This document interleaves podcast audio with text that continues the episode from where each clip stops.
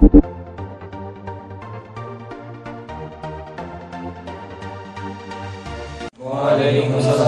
warahmatullahi wabarakatuh. إلى حضرة النبي مصطفى محمد صلى الله عليه وسلم وعلى آله وأصحابه وأزواجه وذريته بيته أجمعين. وإلى مشايخنا ووالدنا وأجدادنا وجدادنا ومعلمنا شيخنا. شيء لله لهم الفاتحة. أعوذ بالله من الشيطان الرجيم. بسم الله الرحمن الرحيم. الحمد لله رب العالمين. الرحمن الرحيم. مالك يوم الدين. إياك نعبد وإياك نستعين. إهدنا الصراط المستقيم. صراط الذين أنعمت عليهم غير المغضوب عليهم ولا الضالين. آمين. أعوذ بالله من الشيطان الرجيم. بسم الله الرحمن الرحيم. الحمد لله رب العالمين والصلاة والسلام على أشرف الأنبياء والمرسلين سيدنا محمد وعلى آله وصحبه أجمعين. أشهد أن لا إله إلا الله وأشهد أن محمدا رسول الله. اللهم صل على محمد صلى الله على سيدنا محمد. سبحانك لا علم لنا إلا ما علمتنا إنك أنت العليم الحكيم ولا حول ولا قوة إلا بالله العلي العظيم رب اشرح لي صدري ويسر لي أمري واحلل عقدة من لساني يفقه قولي بجاه النبي وصحبه وآله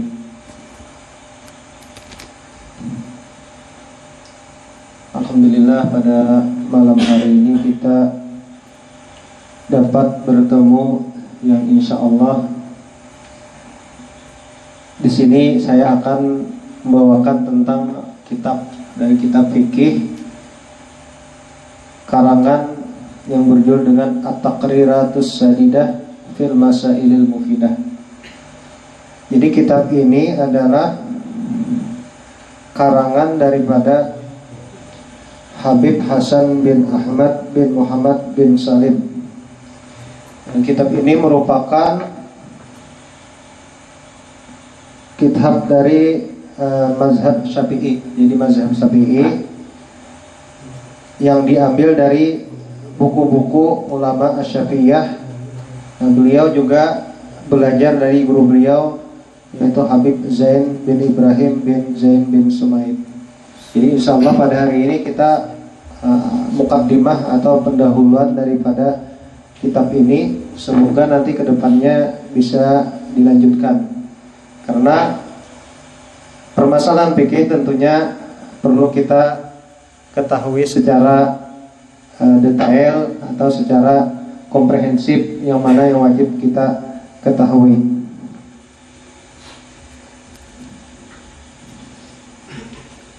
Nah, kitab ini sebenarnya sangat populer, populer di kalangan apa pondok pesantren banyak dipelajari.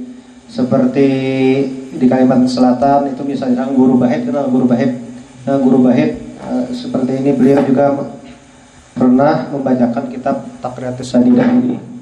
Kemudian juga guru Sukri Unus itu kan di Martapura itu juga pernah juga mengajarkan tentang uh, Takriatus Sadidah jadi seperti banyak para habaib kemudian juga seperti juga di juga bahwa dakwah itu kan sangat populer juga dipelajari dan banyak pondok pesantren yang mempelajari di tentang kitab ini. Jadi seperti beliau dan sebagainya itu cek saja dilihat di YouTube itu banyak pengajian tentang Takriyarus Sadidah jadi kitab ini memang banyak diperpegangi dan diperbangi di apa diperpegangi dan dipelajari oleh ulama-ulama Asyafi'iyah seperti itu. Jadinya makanya tentunya ini istilahnya memang otoritatif, artinya bisa diamalkan, memang banyak diajarkan dari guru ke guru seperti itu.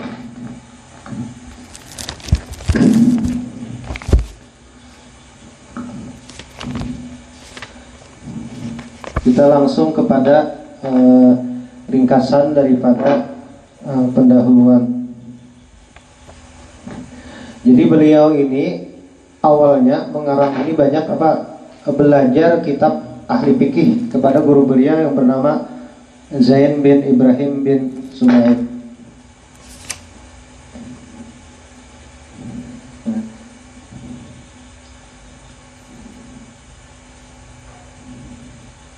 Dan kepada apa beberapa guru beliau. Banyak guru jadi guru beliau. Yang utama kemudian beberapa macam guru.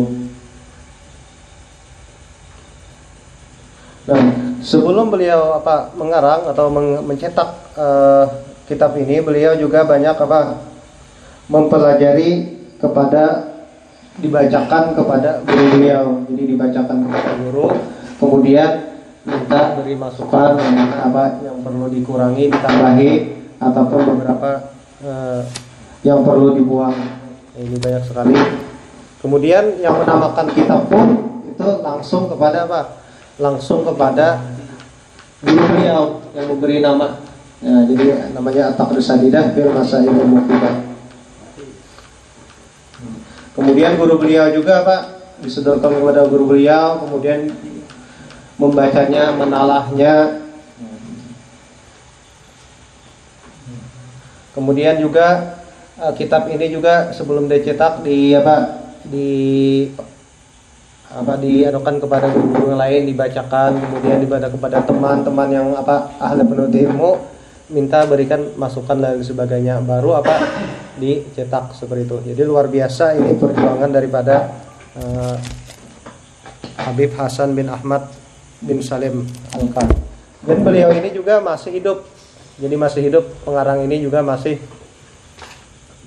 beliau ini masih hidup sampai sekarang itu. Luar biasa ini beliau. Dan bahasa Arab. Jadi beliau orang Arab kan. Habib itu orang Arab berbahasa Arab. Jadi ketika misalnya di lihat di YouTube misalnya kan beliau itu ada menjelaskan misalnya tata cara berwudu dan sebagainya langsung bahasa Arab. Jadi orang-orang Arab dan mengarang. Seperti itu.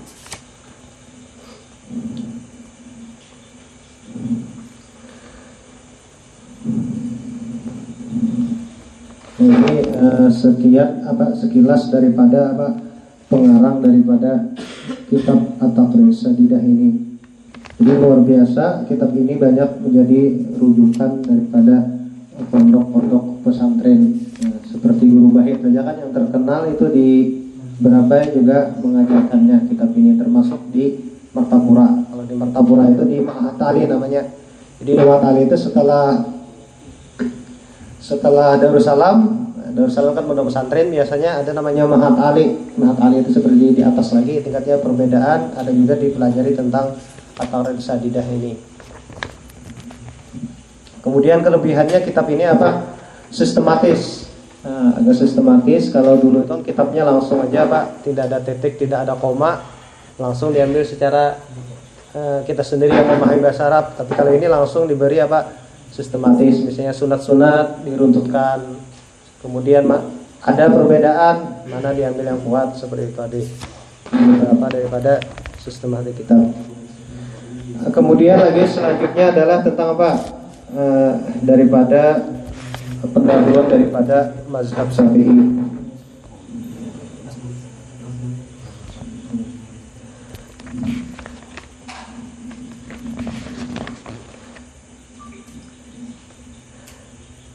Jadi Imam Syafi'i ini eh, beliau itu kan apa? Namanya Muhammad bin Idris Asy-Syafi'i. Jadi nama beliau adalah Muhammad bin Muhammad bin Idris Asy-Syafi'i. Beliau juga apa? Dibawa ke Mekah.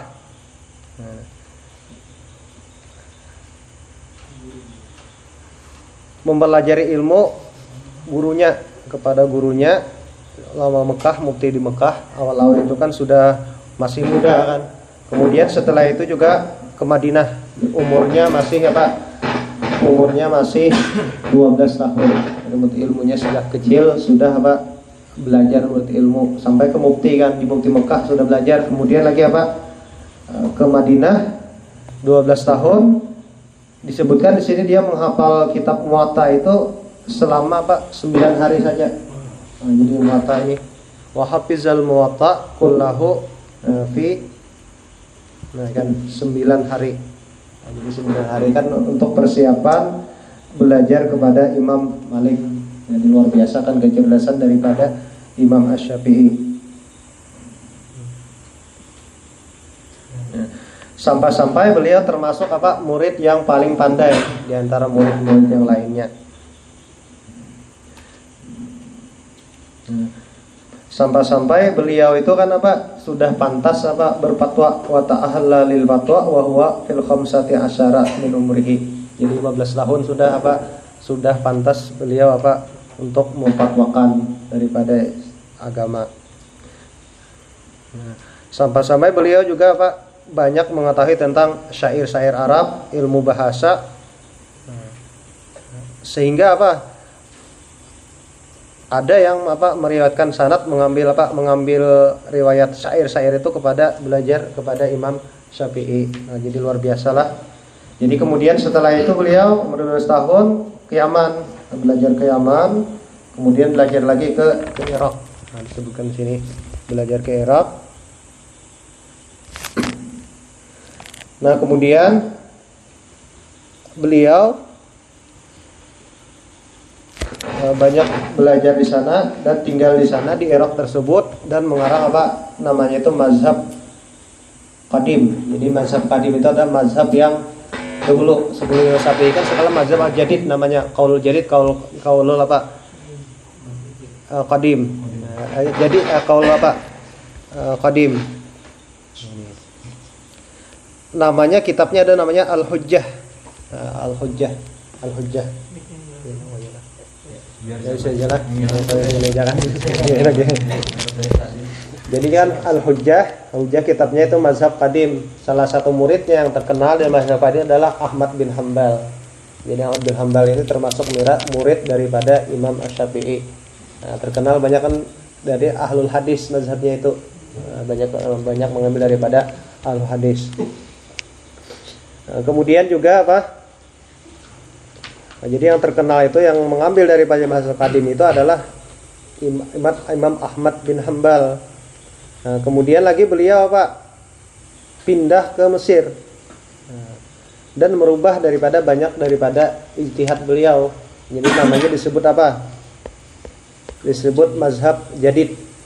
Nah, mazhab jadid itu mazhab jadid wa amla kitab al-um. Jadi diimlakan kitab al-um itu. Jadi bukan tulis tapi langsung imla ke murid beliau yang nulisnya. Uh, murid al-um itu. Nah, kemudian beliau juga mengarang apa namanya arisalah arisalah ini kitab usul fikih yang pertama kali kan menulis usul fikih.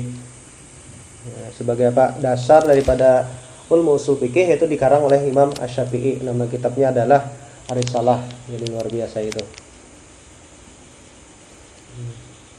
Nah itu daripada Pak uh, ringkasan daripada Imam Syafi'i kemudian dilanjutkan kepada murid-murid beliau tadi. Jadi di sini disebutkan bahwa di sini uh, mazhab kaul jadid itu kaul qadim itu banyak yang dia Pak di istilahnya direvisi beliau pendapatnya diambil ya, mengambil ke kaul jadid kecuali beberapa permasalahan Nah, seperti ini ada 18 permasalahan di sini. Misalnya saja di sini sebutkan apa? Kaulul kadim sebenarnya misalnya ada bunat bi kiraatis surati fil akhirata ini. Kita kan kalau biasanya sunat itu apa? Sunat membaca surah itu kan dua pak, dua rakaat pertama kan. Nah, kemudian rakaat yang ke tiga dan keempat itu tidak sunat lagi kan, cuma fatihah saja. Nah itu sebenarnya pendapat itu adalah pendapat kaulul apa? Kaulul kadim kaul yang eh, pendapat yang terdahulu itu kaul kadim kenapa diambil? Karena dianggap dianggap lebih kuat daripada kaul jadid. Jadi kaul kaul jadid itu sebenarnya kan dibaca apa? Semuanya keempat rakaatnya disunatkan. Oh, seperti tadi. Itu termasuk daripada apa? Kaulul jadidnya. Tapi yang kita ambil tuh majab sapi ada kebanyakan adalah kaulul apa? Kaulul kadim itu kaulul kadim sebenarnya yang kita amalkan sering tadi Nah, demikian juga taswib. Nah, taswib ketika as-salatu khairum minan naum. Itu ada kan tambahan kan? Nah, itu biasanya dari apa? Kaulul qadim juga. Nah, bukan kaulul jadid. Jadi kaulul jadid berarti tidak kan tidak pakai taswib. Nah, itu beberapa apa permasalahan. Nah, kemudian juga beberapa imam daripada mazhab Syafi'i ini. Jadi sekali setelah ini dari sejarah kan mengetahui. Mungkin kalian sudah tahu inilah. Ya. Nah, itu kan ringkasan saja sebelum kita masuk ke fikihnya ini. ringkasan daripada imam-imam mazhab Syafi'i. Nah, wa min ahammi riwayatil qadim al Imam Ahmad bin Hambal. Jadi Imam Hambal itu termasuk apa? Yang paling penting riwayat mazhab qadim itu adalah Imam Ahmad bin Hambal. Makanya kan mazhab Ahmad bin Hambal agak berbeda kan banyak dari Syafi'i itu. Karena memang dia sebenarnya murid Imam Syafi'i juga, cuma dia banyak mengambil mazhab yang qadim. Nah, terkenal itu Imam Ahmad bin Hambal. Nah, kemudian lagi uh, murid-murid beliau ada Muzanni dan sebagainya. Setelah itu kemudian banyak juga ulama misalnya apa?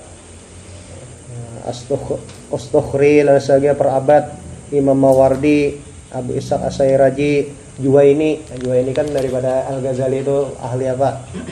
Teologi kan dan sebagainya. Kemudian juga termasuk juga Imam Al Ghazali. Nah, Imam Ghazali Huzatul Islam, Imam Ghazali itu termasuk apa? Mazhab Syafi'i juga. Makanya beliau itu kan tasawuf Imam Ghazali, mazhab Syafi'i makanya cocok. Itu biasanya kan. Makanya kalangan mazhab Asafiyah itu banyak mengambil tasawuf daripada tasawuf Imam Al Ghazali. Itu. Karena Imam Ghazali sendiri itu apa? Mazhab beliau mengikuti gurunya mazhab Syafi'i juga. Nah, itulah. Makanya kan kita lihat sinkronnya seperti itu. Jadi kalau misalnya teolog, mazhab Syafi'i teolog apanya? Tasawufnya itu banyak mengambil daripada Imam Ghazali karena beliau juga ahli fikih. Jadi beliau bukan hanya ahli tasawuf juga fikih juga ahli termasuk daripada tabaqah Syafi'i. Nah. Kemudian apa? Syekhul Mazhab karena imam apa? Imam Rafi'i, Imam Rafi'i lawan Imam Nawawi ya, termasuk juga itu kan apa? Syekhul Mazhab sebenarnya itu. Jadi misalnya saja sarah Muslim, Muslim itu kan mensarahkannya Imam Nawawi. Nah, jadi sarah hadis Muslim itu. Jadi kita mudah misalnya kalau mengambil mazhab Syafi'i lihat di sarah Muslim. Karena Imam Muslim apa sarahnya itu mensarahkannya adalah Imam Nawawi. Dan Imam Nawawi sendiri beliau juga memazhab Syafi'i. Nah, sehingga cocok kan biasanya tadi.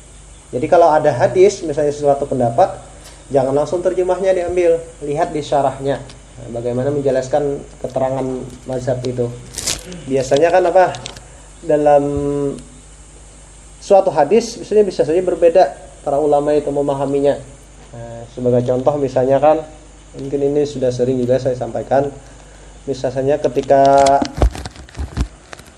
ada sebuah hadis itu wa idza qala al imam sami Allahu hamidah faqulu rabbana lakal hamdu. Apabila imam membacakan atau mengucapkan sami Allahul hamidah faqulu maka kalian katakanlah apa? Rabbana lakal hamdu. Ulama itu mungkin beberapa ulama memahami bahwa yang disunahkan ketika uh, apa etidal itu yang membaca sami Allahul hamidah cuma imam saja. Adapun makmum cukup membaca rabbana lakal hamdu. Hadisnya riwayat Bukhari. Wa idza qala sami Allahul hamidah faqulu rabbana lakal hamdu. Dengan dalil tersebut. Mungkin kalian apa kira-kira mengambilnya? Biasanya apa? Keduanya kah atau mengikuti imam juga? Sami Allahul hamidah. Biasanya gimana? Dua-dua. Kedua-duanya atau satu-satu? Oke, kalau apa biasanya? Ikut juga kan sami Allah hamidah. Ikut juga kan sama udah baca atau enggak? Ikut ikut juga. Apa? Ikut juga. Ada yang misalnya enggak ikut? Ada. Cuma langsung rabbana lakal hamdu. Ini langsung Rabbana lakal hamdu aja kan berdiri aja Rabbana lakal hamdu. Ada gitu? Biasanya pengamalannya gimana kalian? Nah, jadi banyak dua-duanya lah. Nah, itu kan kalau kalau mazhab Hanafi kadang-kadang dia berpahaman gitu. Jadi tidak mensunatkan bagi apa makmum, cukup apa apa cukup Rabbana hamdu aja makmum. Jadi tidak membaca apa sami Allah hamidah mazhab Hanafi. Memang tuh hadisnya Bukhari dengan alasan gitu kan. Gitu. Nah, tapi dijelaskan di syarah Muslim ternyata beda penjelasannya, bukan itu maksudnya. Nah, salah satu penjelasan adalah bahwa memang secara umum kan hadis itu kan dalam salat sallu kama raaitumuni usalli. Salatlah kalian sebagaimana aku salat. Nah, seperti itu kan. Salatlah kalian sebagaimana aku salat. Itu kan kuat juga hadisnya tersebut. Nah, Imam Nawawi menjelaskan bahwa nah, termasuk juga di muhadzab kan, muhadzab itu kan Imam Nawawi juga mengarangnya, termasuk itu kan daripada tarjih daripada mazhab Syafi'i beliau itu mencari yang kuat. Dijelaskan di sana bahwa Adapun sami Allahu hamidah Nabi itu kan bacanya apa? Eh, nampak apa itulah. Zahar, zahar itu nampak, artinya kedengaran oleh para sahabat sehingga kan para sahabat langsung saya mengikuti sami Allahu hamidah juga membaca apa? Sami Allahu hamidah zahar. Adapun Rabbana lakal hamdu itu kan sir dibacanya apa? pelan kan, tidak kedengaran sehingga Rasulullah sendiri dengan hadis tersebut sebenarnya bukan berarti tidak memerintahkan makmum, akan berarti memerintahkan membaca lakal hamd, Rabbana lakal hamdu karena apa? Karena Rabbana itu tidak kedengaran. Nah, sehingga diperintahkan secara khusus dalam hadis yang lainnya. Nah, gitu kan? Paham lah itu? Nah, jadi Nabi itu bukan berarti misalnya menegah maksudnya menegah makmum untuk tidak membaca sambil hamidah karena dibacanya kan sudah Pak zahar kan nampak. Nah, adapun fakul rabbana alhamdu itu dibacanya mesir sehingga perlu menginstruksikan secara apa khusus. Bisa dipahami lah. Nah, itu alasannya. Nah, alasan kedua tadi. Jadi memang hadis itu bukan berarti tidak memerintahkan makmum, maksudnya apa? Memerintahkan rabbana alhamdu secara khusus karena itu dibacanya sir. Nah, berikut Nabi. Alasan banyak sapi itu. Jadi bukan berarti gini kan. Jadi kalau pemahaman tentang hadis tersebut kita tidak langsung misalnya alasan rasional ya kan lihat daripada syarah-syarah daripada kitab tersebut. Nah, karena kan yang para dari Nabi sendiri siapa mengambilnya kan? Nabi, para sahabat, sahabat, guru-guru langsung guru langsung sampai kita sekarang. Jadi keilmuan itu seperti itu. Jadi tidak hanya Pak eh, istilahnya Pak mengambil daripada rasional daripada hadis tersebut. Perlu juga kita berguru kan daripada penjelasan tadi. Maka ini kadang-kadang nah, ada kan pernah kata Imam apabila pe- pendapatku ini kan ada yang lebih kuat pendapatnya, ya Allah ada kita apa seperti apa? No, Hamdi, gimana itu? Ah, bila pendapatku tidak sesuai dengan al dan ada lebih kuat, maka itu adalah pendapatku. Ya gitu kan? Itu lebih kuat. Maka itu belum tentu itu sebenarnya bukan sampai ke situ lah. Jadi lebih kuat itu kan sebenarnya kan menurut mazhabnya. Kalau Hanafi itu kuat yang tadi. Kuat menurutnya apa? Berarti makmum tidak perlu membaca apa tidak perlu membaca apa sambil hamidah. Karena hadis tadi menurutnya kuat itu. Iya kan? Kalau mazhab Syafi'i ada lagi keterangannya. Nah, jadi bukan berarti misalnya apabila suatu pendapat itu menyalahi dengan yang lain dan itu lebih kuat berarti itu adalah pendapatku bukan berarti gitulah. Lihat dulu sarahnya gimana kan? Ya, jadi lihat sarahnya lihat penjelasannya di mazhab tersebut. Jadi di mazhab Syafi'i itu kok bukan berarti apa? Bukan berarti tidak ada tarjih. Ini namanya itu namanya kan ada masa nanti. Kita jelaskan lah mungkin agak lebih sedikit. Ada masa apa? Masa pentarjihan kemudian masa penetapan jadi bukan berarti kepada pendapat ulama saja kan. Jadi bersumber daripada Al-Qur'an hadis dan beberapa pendapat ulama tadi. Lalu ditarjih yang mana kuat? Sudah ada itu masa-masanya. Jadi sudah terdahulu mentarjihnya para ulama itu. Ini nanti kita kangkan lagi.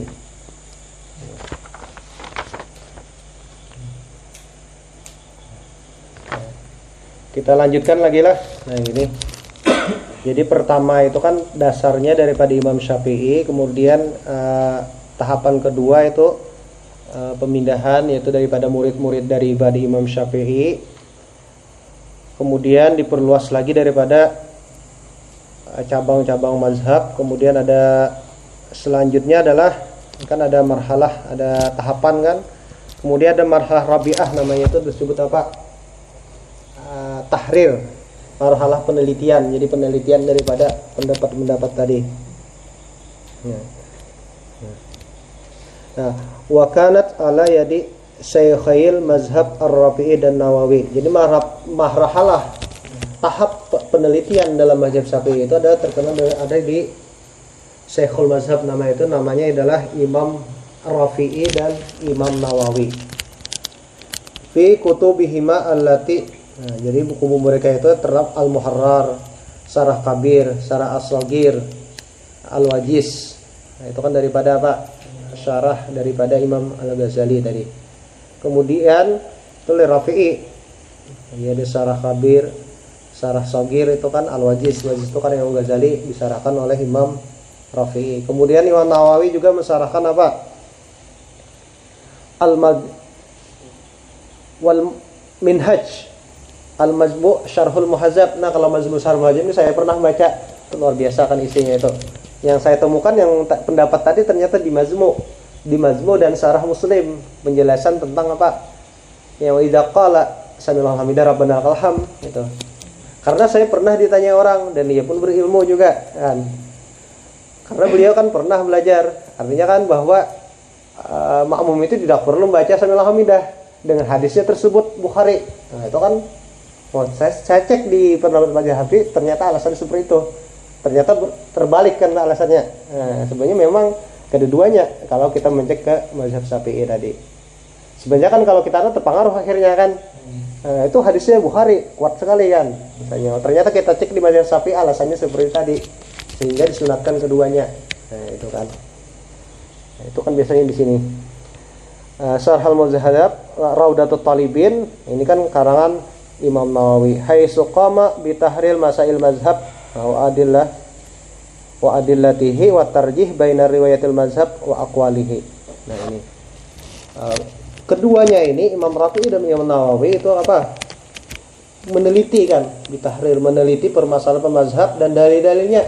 Nah, dalil dan sebagainya meneliti berbagai pendapat dalil-dalilnya kemudian apa watarjih dan mentarjih nah, ada mengambil yang mana yang kuat nah, di antara riwayat mazhab dan perkataan imam-imam tadi. Jadi ditarjih beliau. Sekarang kan masih mentarjih.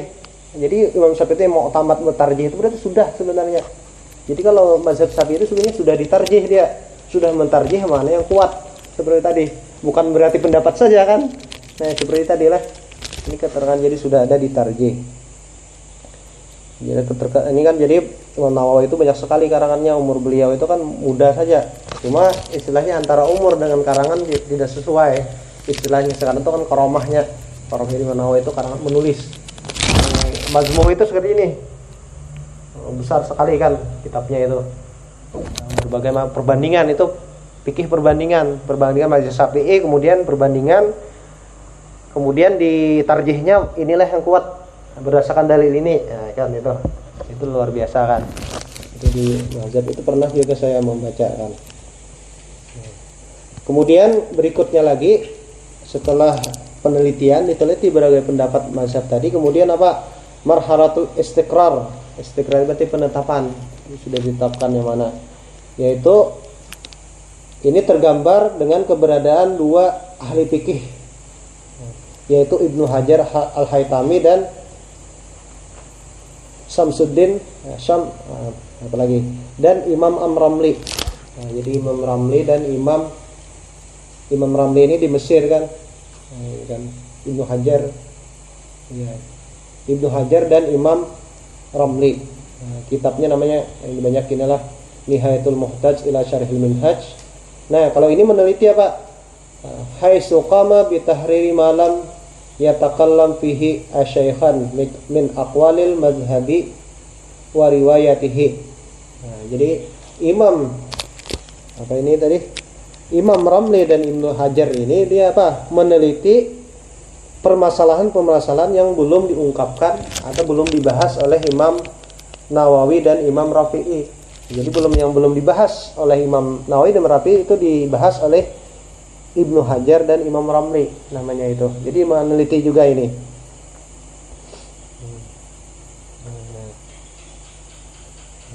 Dan apa apa meneliti dan mengambil daripada cabang-cabang mazhab tadi yang belum dibahas oleh Imam uh, Rafi'i dan Imam Nawawi. Jadi lengkap sudah tadi. Jadi yang sudah dibahas kemudian diteliti lagi yang mana pendapat yang kuat. Nah, apabila mazhab Syafi'i tersebut ah, misalnya apa?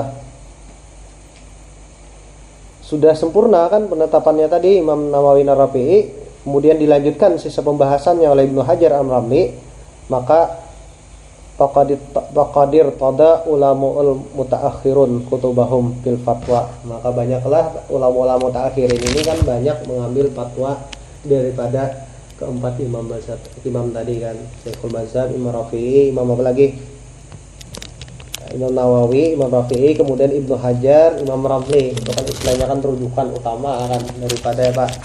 Syekhul mazhabnya Imam Syafi'i. Jadi Pak kalau pendapat itu kuat berarti kalau diambil daripada para ulama mazhab tadi. Karena mereka itu sudah meneliti berbagai macam pendapat baik dalilnya, baik pun berbagai pendapat sudah mereka teliti tadi yang disebutkan tadi. Nah, kita lihat ini. Jadi ulama mutakhir ini banyak menggali daripada beberapa pendapat para empat ulama tadi kan yang terkenal daripada mazhab Syafi'i. Gelarnya kan Syekhul Mazhab itu Imam Nawawi di Imam Rafi'i. Membahas kemudian dilanjutkan lagi kepada uh, Ibnu Hajar dan Imam Ramli. Banyak sekali itu kan terkenal dalam mazhab. Nah, kemudian disebutkan juga di sini pamattafaqa alaihi syaikhan an-Nawawi wa Rafi fahuwal mu'tamad. Jadi apabila sepakat kedua imam tadi yaitu Imam Nawawi dan Imam Rafi'i maka itu merupakan pendapat mu'tamad. Jadi pendapat yang kuat yang diperbagangai oleh mazhab Syafi'i. Kalau sudah sepakat itu luar biasa kuat sekali berarti pendapatnya tersebut. Dan mereka pun sudah meneliti. Ya, sudah apa? Sudah istilahnya sudah apa tadi sudah mentarjih. Dan mereka mentarjih bukan sekarang kan kada hafal hafal. Ini hafal hadis mereka itu kan mentarjihnya. Ya, ya kan, kan sekarang memang ada tarjih kan cuma beda mungkin cara tarjih dengan ulama terdahulu. Terdahulu tarjihnya apa? Dengan hafal. Hafalkan kemudian berbagai macam ilmu juga menguasai. Bahkan hafal Al-Quran. Muatah aja hafal ya kan? Memang luar biasa kan? Banyak banyak hafal mereka ini. Luar biasa mentarjih. Jadi kalau sepakat Imam Nawawi Marafi itu mu'tamad nah, wa in ikhtalafa quddiman Nawawi apabila berbeda ini sebagian apa mereka apa mendahulukan pendapat daripada Imam Nawawi jadi seperti Riyadus Salihin itu Imam Nawawi juga mengarang banyak karangannya Imam Nawawi ini nah, ini luar biasa.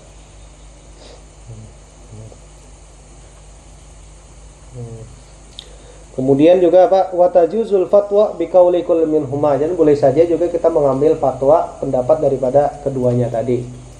Jadi kalau pendapat Imam Syafi'i inilah kalau kalian ingin lebih dalam lagi biasakan dasarnya itu lihat di lebih dalam lagi seperti muhazab tadi. Dalilnya mana? Cari di muhazab itu. Kadang-kadang kan yang di permukaan itu apa? Alasannya kadang ada dalilnya kalau karena kita rendah saja istilahnya kan. Fatwa karib kan biasa itu. Tapi kalau lebih dalam lagi ke mencari dalilnya ke muhazab itu ke Imam Rafi'i dan Imam Nawawi ini kitab beliau itu. Di sana ada disebutkan dalil-dalilnya alasan-alasan kuatnya. Seperti tadi. Makanya kita kan kadang-kadang kadang dapat dalil ya loh karena apa? Karena apa? E, karena tidak dapat dalil karena apa? Karena yang kitab-kitab yang biasakan yang ada tidak sampai kepada syekhul mazhabnya nah, ini satu lagi nih perlu dipahami lagi kan. Ini misalnya saja apa ada kan istilah sunnah? Sunnah kan? Sunnah. Iya kan? Sunnah itu nanti ada istilah fikih. Itu kan fikih ada istilah fikih ada istilah hadis. Jangan dicampur adukan sunnah istilah hadis rumah hadis dan sunnah istilah fikih. Apa kira-kira? Itu sunnah ya ya kan? Kalau itu sunnah itu jadi istilah fikih berarti kan dikerjakan mendapat pahala. Bila ditinggalkan mendapat dos, uh, tidak berdosaan nah, sunnah itu berarti kalau misalnya sunnah ilmu hadis apa perkataan perbuatan maupun ketetapan Nabi Muhammad SAW itu sunnah kan? Dalam istilah Nabi. Ya kalau nah sunnah Nabi. Sebagai contoh misalnya di sini. Ini kan fikih lah. Fikih. Misalnya saja. Zakat zakat itu kan kita apa berzakat dengan apa? Beras kan mana mana hadisnya? Bisa lah ada hadisnya beras lah. Nah, makanan pokok kan. Kalau di hadis itu kan so'an min tamrin wasa'an min sairin. Satu sa daripada apa? Kurma dan satu sa daripada gandum. Hadisnya kan ada beras. Nah, sama juga kan misalnya kan kalau alasan majlis sapi contohnya juga. Kalau pikih itu kajiannya kan hukum Islam itu macam-macam Al-Quran, hadis, ijma, kias itu yang disepakati para ulama. Nah, contoh ini mungkin perbedaan pendapat lah. Misalnya kan dalam mazhab sapi itu mensunahkan untuk melapaskan niat. Ya kan? Hmm. melapaskan niat. Dalilnya adalah ada kan dalilnya. Tidak mesti sunnah dalam itu kan mengambil dari daripada Al-Quran ataupun sunnah. Perlu dipahami lah. Makanya simpulan ini simpulan pikih lah bisa saja itu kan berarti mengambil daripada sumber hukum Islam yang lain. Nah, misalnya kan tadi alasannya itu disebutkan misalnya untuk membantu hadir hadir ketika takbiratul ihram niatnya tersebut. Mungkin secara sejenis maslahah kan seperti tadi. Sehingga disimpulkan bahwa itu sunnah dalam artian fikih. Ya. mencari hadisnya kan ada.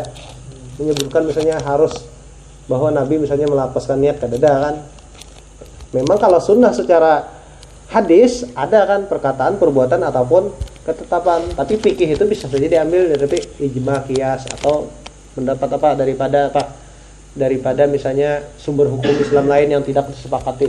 Seperti maslahah tadi kan masalah musalah dan sebagainya seperti tadi. Nah, itu kan bisa dipahami lagi lah jadi sunnah dalam fikih itu belum tentu kamu belum tidak sama dengan sunnah istilah hadis ya, dari, dari jelas tadi seperti beras tadi lah beras tadi kan hadisnya ada ada jadi jangan bertanya saya mana hadisnya, belum tentu kan.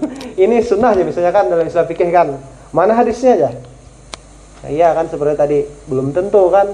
Nah, bisa saja kan hasil daripada eh, ijtihad yang lainnya itu bisa dipahami lah. Nah, itu.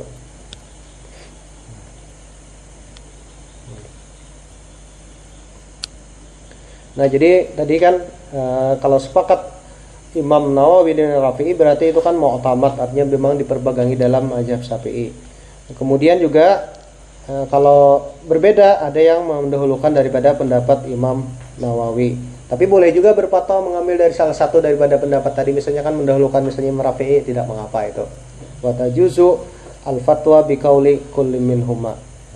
Kemudian disebutkan wa mattafaqa alaihi Ibnu Hajar wa Ramli minal masailil lati lam yabhasha man qablahuma fahuwal mu'tamad. Apabila sepakat Ibnu Hajar dan Imam Ramli pada permasalahan yang belum dibahas, belum dibahas dari Imam Nawawi, Imam Rafi'i tadi, berarti itu merupakan pendapat mu'tamad juga. Jadi kalau sepakat kedua imam tadi itu mu'tamad artinya benar-benar diperpegangi, benar-benar kuat daripada pendapat mazhab. Mencari dalilnya, alasan cari di kitab-kitab besar dari tadi. Ya. Wa in ikhtalafa fa ahlul Hijaz wa hadraul maut yuqaddim Ibnu Hajar. Nah, apabila berbeda, ini para ahlul Hijaz, hadraul maut mendahulukan Ibnu Hajar. Nah, jadi Ibnu Hajar. Jadi Ibnu Hajar ini memang kan di Hijaz di daerah Mekah itu lama. Jadi makanya istilahnya kan kita lebih mendahulukan ulama yang dekat kepada kita. Makanya mereka itu mengambil apa? Nah, Ibnu Hajar. Karena Ibnu Hajar ini kan orang apa? Orang Mekah, ada Hijaz tadi. Nah, ulama dari mereka kan. Anggap aja kan nggak usah di Martapura itu sekumpul pendapat kan. Pasti orang banyak mendahulukan pendapat guru sekumpul dengan pendapat lain. Karena memang apa kampungnya di sana. Sama juga ini Pak Ahlu Syam wal Mesir di Asyam Syria itu Mesir yukat di Ramli. Pendapat Imam Ramli yang banyak dikedahulukan kenapa? Karena Imam Ramli ini dari Mesir. Nah, jadi banyak didahulukan itu. Nah, itu kan biasanya memang di kipik-kipik ini biasa disebutkan pendapat Nawawi Rafi'i disebutkan di sini kadang-kadang. Kemudian banyak juga disebutkan misalnya pendapat apa? Pendapat Imam Ramli atau Ibnu Hajar. Itu banyak dalam kitab-kitab ini disebutkan nantinya lah. Jadi kalau kita pelajari di kitab sini ada nanti disebutkan menurut Imam Nawawi Rafi'i. Kemudian Ibnu Hajar seperti ini. Nah, kan ada perbedaan pendapat biasa disebutkan. Nah, itu beberapa dua imam ini. Boleh mengambil kedua-duanya kan. Nah, terserah sebenarnya kan dalam karena sama-sama kuat. Nah, itu ini dalam apa uh, ringkasan daripada apa daripada riwayat ringkas daripada mazhab Syafi'i. Jadi secara simpulan itu apa? Ada Syekhul Mazhab, Imam Ghazali dan sebagainya tadi. Kemudian Syekhul Mazhab terkenal Imam Nawawi, Imam Rafi'i, kemudian itu membahas, kemudian sudah meneliti, kemudian mentarjih juga beberapa pendapat, Kemudian yang mana pendapat yang belum dibahas dilanjutkan lagi oleh Imam Ramli dan Ibnu Hajar Al Haytami. Ibnu Hajar dua lah. Ibnu Al Haytami itu pikir ada hadis namanya Ibnu Hajar Al Asqalani. Ibnu Hajar itu kok sarah daripada Pak Sahih Bukhari. Nah Ibnu Hajar Al Asqalani itu juga mazhabnya mazhab Syafi'i juga. Nah, jadi makanya kan kalau kita mengambil sarah keduanya itu klop sudah dengan mazhab Syafi'i. Nah, jadi klop artinya kan apa sudah mantap kan. Nah, jadi sarah sahih Mu- Muslim Imam Nawawi mensarahkan. Sa- Sahih Bukhari sarahnya apa? Ibnu Hajar al Asqalani. Nah, itu kan keduanya daripada mazhab Syafi'i itu musarahnya. Nah, kemudian dalam kitab-kitab Syafi'i itu terkena ada namanya matan. Matan itu misalnya paling apa? Paling awal. Nah, misalnya kan anggap aja ini matan ini apa? Gaya wa takrib. Matan gaya takrib itu kan Fathul Karib itu. Di sampingnya itu gaya takrib. Gaya takrib itu kemudian disarahkan dengan apa? Fathul Karib. Nah, itu sudah sarah kan. Nah, kemudian ada lagi hasyiah. Jadi syarah disyarahkan lagi. Itu namanya hasyiah. Itu dari karangan daripada Syafi'i. Jadi daripada matan, setelah matan itu kan seperti gaya takrib, syarahkan ya Fathul Karib. Nah, itu kan daripada syarah. Nah, ini banyak. Nah, syarah. Seterusnya apa namanya, Pak? Hasyiah dalam kitab-kitab ini. Kemudian juga selanjutnya adalah kelebihan daripada mazhab Syafi'i. Pertama itu adalah i'tina nah, kan memperhatikan para para apa dasar mazhab Syafi'i ini pendiri dari mazhab Syafi'i ini kan memperhatikan dalil Al-Qur'an, Sunnah maupun para asar pendapat para sahabat. Jadi memang Al-Qur'an, Sunnah maupun asar daripada para pendapat tadi. Jadi kalau di kitab-kitab besar itu misalnya dalilnya Al-Qur'an, kemudian Sunnah, kemudian para pendapat para sahabat. Itu pertama. Kemudian juga sangat memperhatikan juga ini para pendiri daripada mazhab Syafi'i ini juga apa? Seperti kias istimbat nah, dan mengistimbat hukum rakyu kan kias ini. Kias istimbat yang seperti apa? Seperti yang di yang pandai itu adalah ahli rakyu adalah Imam Abu Hanifah. Nah, ahli rakyu karena Abu Hanifah ini jauh daripada dikatakan itu kan daripada ahli hadis. Jadi beliau itu terkenal mazhab ahlur rakyi nah, itu luar biasa.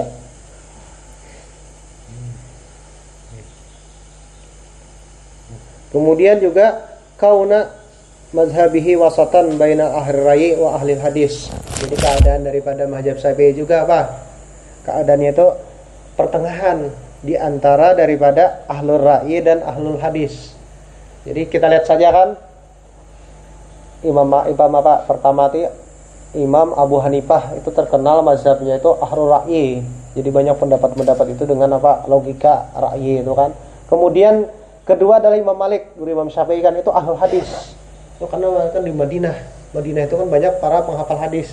Sehingga pendapat mazhab Maliki itu kan apa? Banyak bersandarkan kepada hadis-hadis itu kan. Ahlul hadis mazhabnya terkenal. Kemudian berikutnya ketiga adalah apa? Mazhab Syafi'i. Nah, mazhab ini wasatan tadi, pertengahan di antara ahlul hadis dan ahlul ra'i. Nah, ahlul ra'i kan ijtihad tuh perlu kan pendapat hadis perlu sebagai dasar-dasarnya. Nah, ini ahlul ra'i dan wa ahlul ra'i dan ahlul hadis. Itu luar biasa. Kemudian yang terakhir adalah Ahmad bin Hambal. Sebenarnya muridnya apa? Murid daripada Imam Syafi'i sebenarnya itu adalah terkenal dengan apa? Pendapatnya ahlul hadis juga.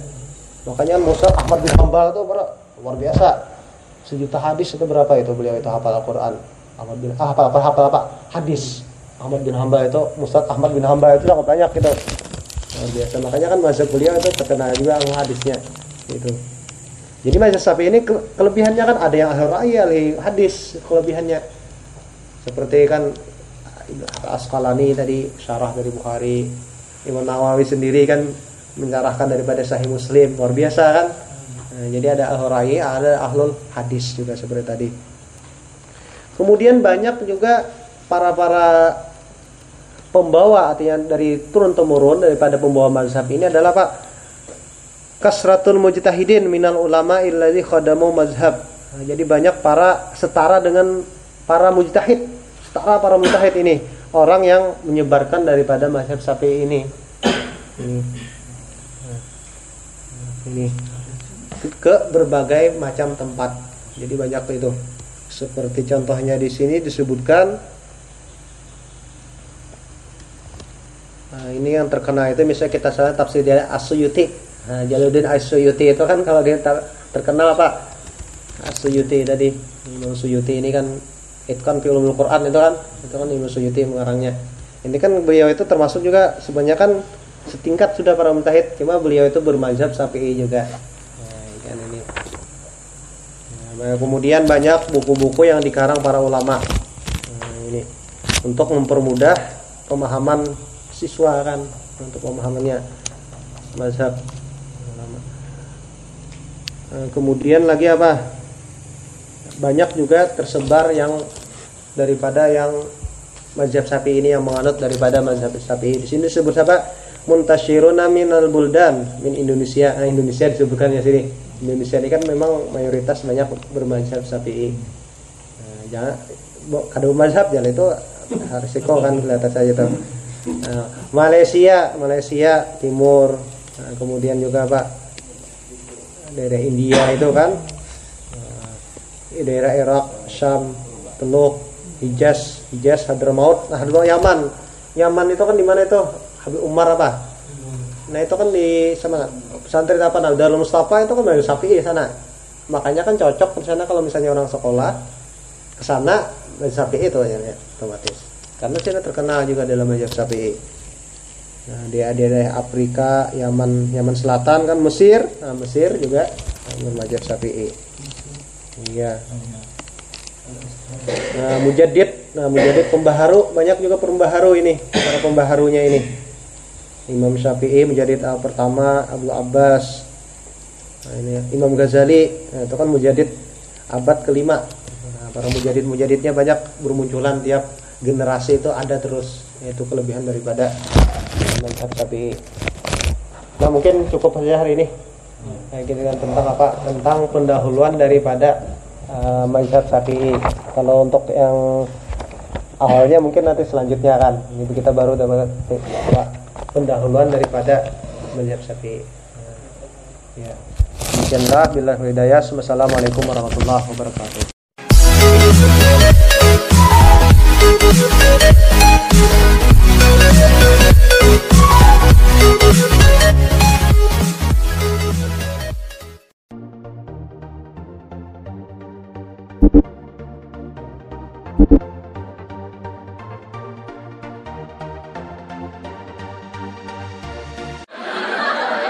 السلام عليكم ورحمة الله وبركاته.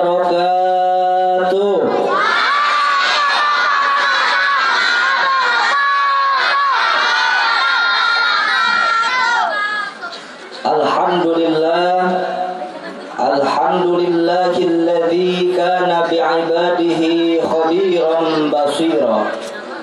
تبارك الذي جعل في السماء بروجا وجعل فيها سراجا وقمرا منيرا. أشهد أن لا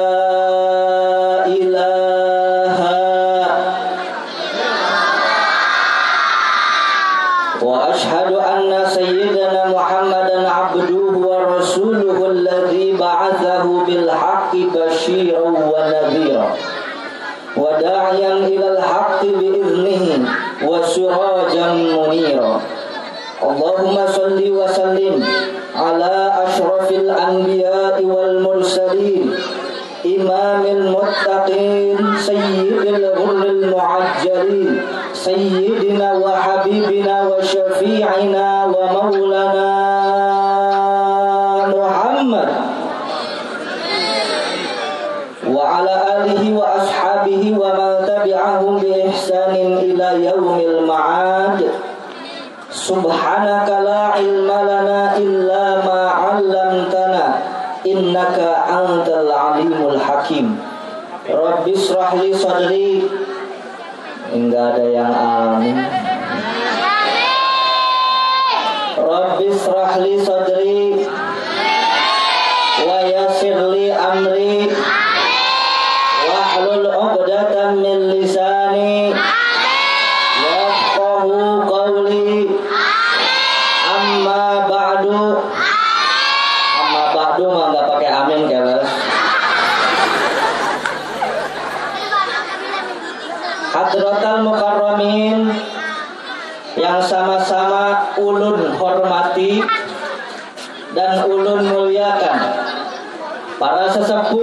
kiai, para alimil ulama wabil khusus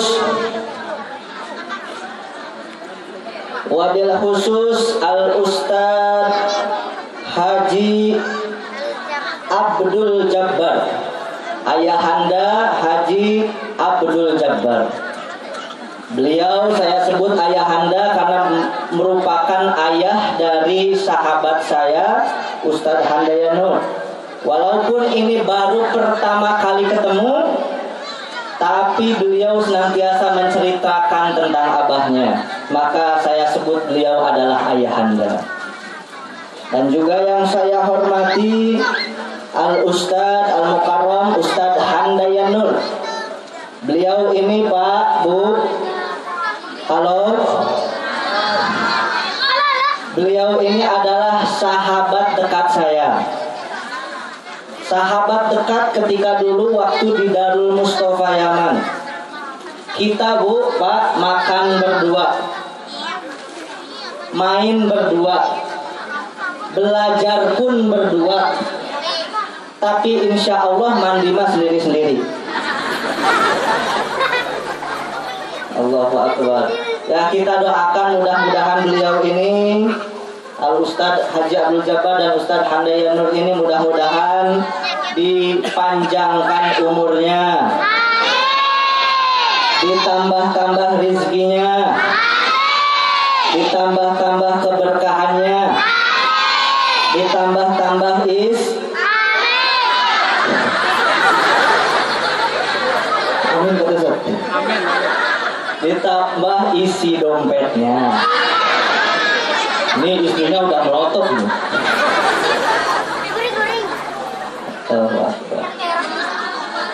Dan juga yang saya hormati aparatur pemerintah setempat. Bapak Lurah ada Bapak Lurah? Ada Pak Lurah ada? Mana orangnya?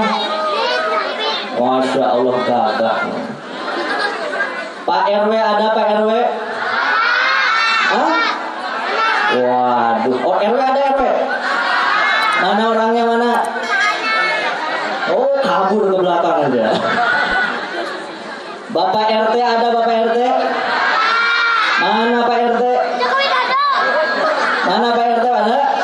Allah Akbar luar biasa. Pak RT harus disebut Pak. Masa lurah di absen, RW di absen, RT enggak? Ya kan? RT itu kan singkatan R-nya itu riweh, tahu riweh? Ripuh, sibuk, T-nya itu ter terus. Jadi RT itu riweh terus.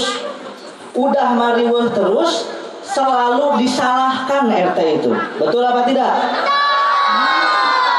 Kalau lurah sih mending dia dapat inventaris motor. Ah, RT. Allah bersepeda aja nggak dikasih, betul?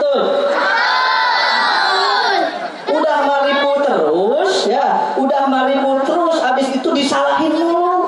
Coba kalau di kampung itu ada yang kemalingan rame di kampung siapa yang disalahin? Di kampung ada gadis yang hamil duluan. Uh, itu rame sewarga. Siapa yang disalahin? Padahal RT gak bantuin bikin. Gak ada yang nyalahin gubernur, gak ada yang nyalahin bupati, gak ada yang nyalahin presiden, betul? Tapi mohon maaf Bapak Ibu, secanggih-canggih apa pun, sebagus-bagus apa pun program presiden atau sebagus apa pun program pemerintah tidak akan berjalan dengan lancar kalau tidak ada RT. Betul? Hidup RT.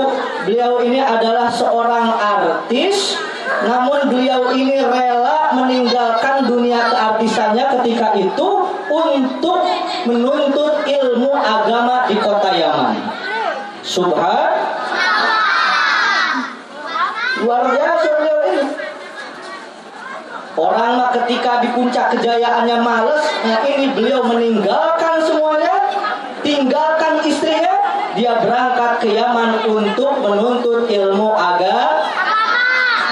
Agama luar biasa. Bapak Ibu di sini rindu Ustaz Jepri rindu? Kangen Ustaz Jepri enggak? Kangen? Kalau kangen Ustadz Jeffrey, nanti ketika beliau naik insya Allah rasa kangennya terobati. Apalagi beliau ini tadi pagi Pak Bu, sebelum berangkat ke sini, pagi-pagi beliau ini ziarah terlebih dahulu ke makamnya Ustadz Jeffrey bersama baikes dakwahnya.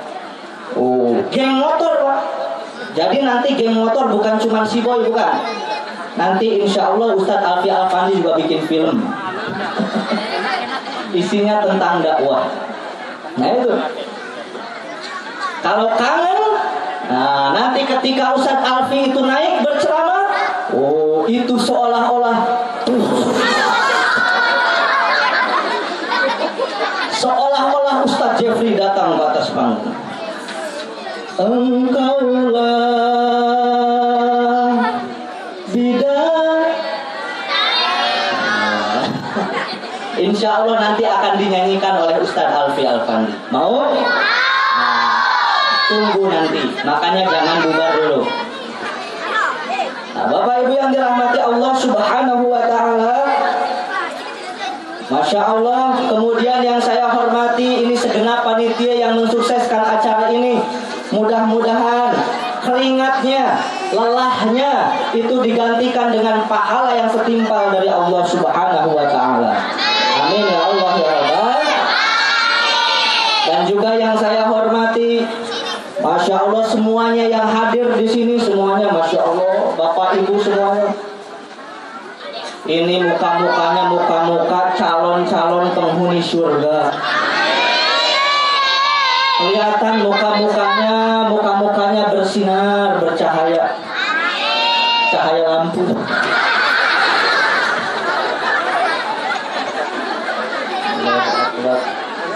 Kita doakan mudah-mudahan yang hadir di sini semuanya, mudah-mudahan hidupnya menjadi berkah.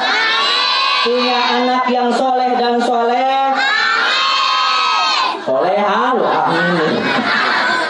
Punya anak yang soleh soleh, bisa berangkat ke Mekah, tawaf dika, sa'i di sofa dan mar, marsha. Marwah Mabit di Muzdalif Bisa balik lagi ke Rum. Bisa langsung beli sa sayur Sawah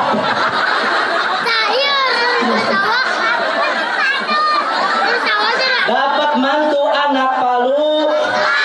Dan mati dalam keadaan husnul khaw Amin ya Allah ya Rabbal Masya Allah Bapak Ibu semuanya Masya Allah yang hadir Bapak-bapak, ibu-ibu Ini saya lihat semuanya ada semuanya Bapak-bapak, ibu-ibu Kakek-kakek Nenek-nenek Janda-janda Ada janda muda?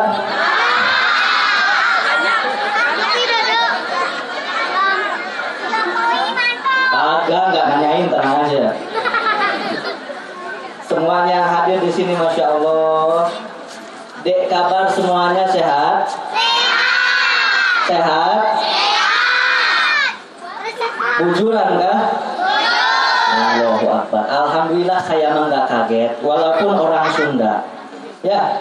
Tapi waktu ketika saya belajar di Yaman, itu ada orang Banjar dan orang Sampit termasuk Ustadz Handaya Nur. Mereka datang, eh dari mana kamu? Saya dari rumah Habib Ahmad. Oh, bujuran kan? Bujur. Kita orang Sunda ketawa-tawa bu. Porno bukan? Karena maaf-maaf Bapak Ibu, bujur itu kalau dalam bahasa Sunda itu artinya adalah pantai. Eh betul-betul ini Pak, betul. Makanya Bapak Ibu jangan bilang bujur di hadapan orang Sunda. Kalau bilang bujur di hadapan orang Sunda, Neng namanya siapa? Nama saya Iis. Oh bujur Iis, insya Allah di tempat yang ada. Atau misalkan kenalan di Facebook, di Twitter misalkan. Kenalan, Neng namanya siapa? Oh nama saya Neneng. Oh bujur Neng, insya Allah diblokir hari itu juga.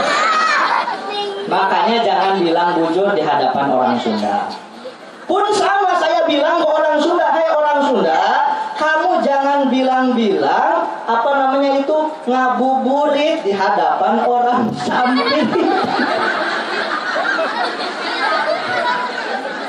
Dalam bahasa Sunda maaf-maaf ini ini ilmu juga Bapak Ibu.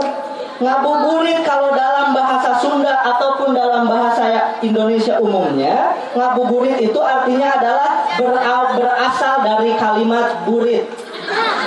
Serius. Dan burit itu dalam bahasa Sunda itu artinya sore. Nah berarti kalau ngabuburit itu artinya adalah kita ini menunggu waktu sore datang menunggu waktu maghrib datang. Makanya mungkin Bapak Ibu suka mendengar di televisi ngabuburit bareng Gigi, ngabuburit bareng Wali Ben, atau bisa jadi nanti ngabuburit bareng Bang Alfi. Nah, jadi hati-hati. Kalau orang sampit yang bilang, Ustadz Alfi, ayo ngabuburit itu bahaya. Allahu Akbar. Nah inilah berbeda-beda bahasa, tapi masya Allah, walaupun kita ini berbeda-beda bahasa, tapi ada satu bahasa yang bisa menyatukan kita, yaitu bahasa Indonesia. Makanya disebutkan dalam Sumpah Pemuda, kami putra putri Indonesia mengaku berbangsa satu, bangsa Indonesia. Kami putra putri Indonesia mengaku berbahasa satu, bahasa Indonesia. Merdeka!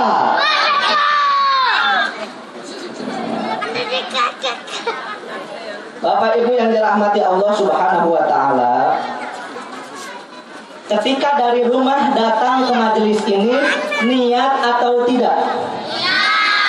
Niat atau tidak? Niat apa? Ya buburing.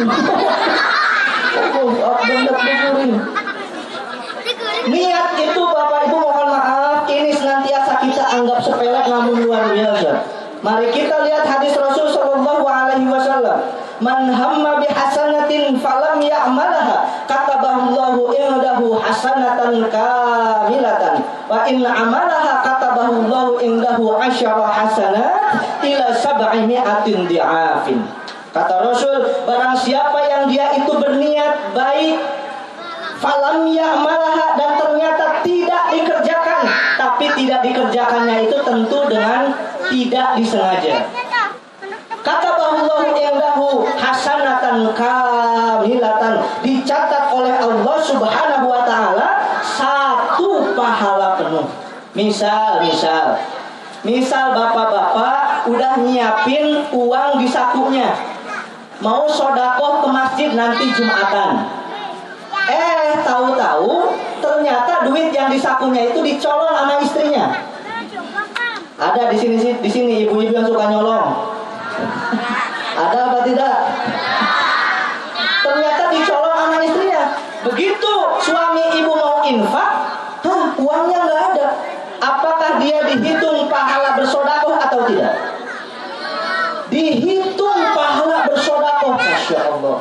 Padahal dia tidak mengerjakan sodakoh. Makanya yuk Bapak Ibu niatkan sesuatu yang baik-baik lillahi ta'ala lillahi ta'ala mau olahraga ya Allah saya niat olahraga supaya badan saya sehat. Kalau badan saya sehat, saya bisa fokus beribadah kepadamu ya Allah, lillahi ta'ala. Ibu-ibu masak, niat. Ya Allah, saya niat masak, saya supaya nyenengin suami. Kalau suami senang, maka keluarga pun akan tentram. Betul apa tidak? Maka niatkanlah yang baik, Pak. Baik. Nah, pertama Bapak Ibu yang dirahmati Allah, pertama kita datang ke sini yaitu pertama niat silatu. Oh, yang belum niat sekarang niatkan ya Allah saya niat silaturahmi. Silaturahmi itu keutamaannya luar biasa, Pak, Bu. Bapak? Halo? Halo? Pengen dipanjangkan umurnya pengen? Pengen dibukakan pintu rezekinya pengen? Maka yuk bersilaturahmi. Lihat dalam hadis Rasul, man ahabba ayyubsatalahu fir rizki wa yunsa'alahu fi athari falyasil rahimahu. Siapa orang yang ingin dipanjangkan umurnya, dibukakan pintu rizkinya, maka bersilaturahmi. Yuk jaga silaturahmi, jaga silaturahmi kita dengan saudara kita, jaga silaturahmi kita dengan orang tua kita, jaga yuk silaturahmi kita dengan tetangga-tetangga kita. Jangan sampai orang yang jauh di sana kita hubungi lewat WhatsApp, lewat Facebook, lewat Twitter, tapi tetangga gak pernah kita tak, gak pernah kita tanya. Ini kan kadang-kadang kan ibu-ibu nih sekarang zamannya flu, tahu flu? Facebookan dulu. Ada Facebookan dulu ada. Ibu-ibu kan zaman sekarang Facebookan dulu. Suaminya lagi tidur dipoto, cepet. Habis dipoto, di share di Facebook. Ditulis di Facebook itu, hmm, suami aku kalau lagi bobo diet ya, WK, WK, WK, WK. Ser, diunduh sama dia. Dan kemudian ternyata tetangganya komen. Ah enggak kok suami ibu masih tetap ganteng. Eh ternyata si ibu yang ngupload tadi marah-marah. Eh lu suka sama suami gue lu? Eh dibalas lagi sama tetangganya ribut itu di Facebook. Dibalas lagi sama tetangganya. Eh najis amat gue suka sama laki lu. Uh kerjaannya molor terus kayak kebo. Uh langsung marah lagi. Eh dasar lu ngapain ngapain ngatain suami gue. Ayo ribut lu. Wah terjadilah perang dunia kedua di Facebook itu ya Allah Akbar. Yuk makanya bersilaturahmi karena bersilaturahmi itu pun akan mengurangi sensitivitas. Ya, orang kalau jarang ketemu, tiba-tiba dipanggil, eh buluk, buluk, marah nggak kira-kira? Marah nggak kira-kira? Marah. Tapi kalau orang sudah sering ketemu, walaupun dipanggil buluk, enjoy aja. Buluk apa? Betul apa tidak? Nah, tuh yang pertama yuk jaga silaturahmi. Yang kedua, kita niatkan datang ke sini adalah untuk menuntut il menuntut ilmu. Dalam hadis Rasul disebutkan, "Man salaka tariqan yaltamisu fihi ilman sahalallahu lahu tariqan ilal jannah." Barang siapa yang keluar dia itu berjalan untuk menuntut ilmu, maka Allah mudahkan jalannya menuju surga. Menuju surga. Nah, kemudian disebutkan juga dalam hadis Rasul, julusus sa'ah khairu min alfi. Duduknya orang yang menuntut ilmu, Bapak, Ibu, adik-adik, itu lebih baik dari orang yang melaksanakan sholat sunnah seribu rakaat. Bayangkan, pernah apa tidak sholat seribu rakaat? Pernah. Pernah nggak? Pernah. Boro-boro seribu rakaat. Sebentar lagi nih bulan Ramadan, sholat apa? Tarawih. Tarawihnya di sini berapa rakaat? Enam. Allahu Akbar enam. Itu mah sholat maghrib, dodol. Ah, Berapa rakaat? 20